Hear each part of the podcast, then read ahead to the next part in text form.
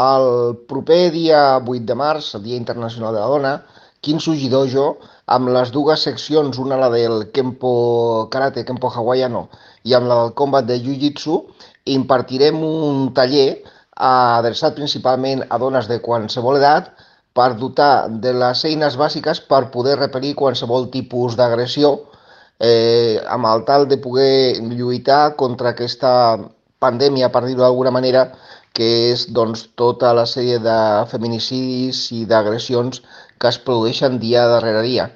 Uh, es farà el dimecres de 6 a 8 de la tarda a les instal·lacions de l'Institut Rocagrossa, a la sala del gimnàs.